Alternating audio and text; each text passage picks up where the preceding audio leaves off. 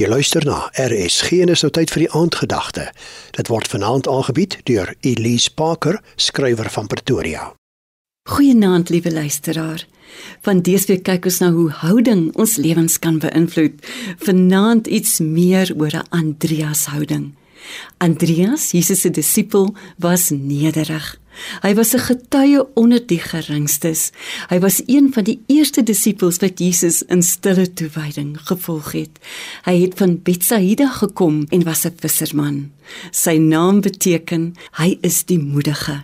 Hy het met oortuiging rustig aan die disippels raad gegee. Hy was nie Petrus wat die rots was waarop die kerk gebou was of een van die evangelieskrywers nie, maar die praktiese disipel wat altyd 'n plan gemaak het.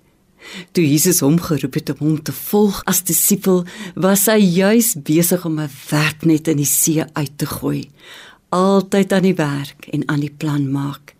Hy het meer wonderwerke van Jesus gesien as van die ander disippels.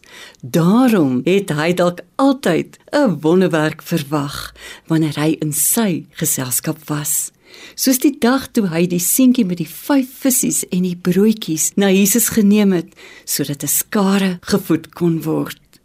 Filippus was saam met Andreas toe Jesus gevra het waar hulle brood kon gaan koop vir die skare, maar hy het eerder die onmoontlikheid van die situasie geskets. Andreas het hom nie hierdeur laat keer nie en die seentjie ooreed om die bietjie wat hy gehad het vir Jesus beskikbaar te stel. Daar was soveel kos na Jesus se vermenigvuldiging van die brood en die vis dat 12 mandjies oorgebly het. 'n klein en nederige offer het 'n groot wonderwerk tot gevolg gehad en mense met nuwe oë na Jesus laat kyk. 'n Maak 'n plan houding is vir enige mens positief want dit versterk hoop en skep 'n omgewing waarin drome kan floreer en waar word.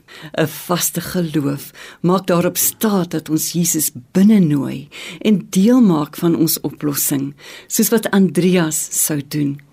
Jesus is ons perfekte oplossing vir elke lewensprobleem.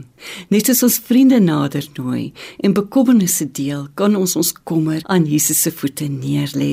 Hy sal ons nie teleurstel nie. Waag dit op om hom te wag vir 'n plan wat jou uit 'n doodloopstraat sal neem. En ondertussen, as jy sien hoe jy iemand kan help, spring nou in. As jy bronne het wat iemand kan toerus om sy lewe te verbeter, skenk dit. Nou is die beste tyd. Gryp met 'n Andreas houding elke geleentheid aan om prakties van hulp te wees. Dit was dan die aandgedagte hier op RSG, aangebied deur Elise Parker, skrywer van Pretoria.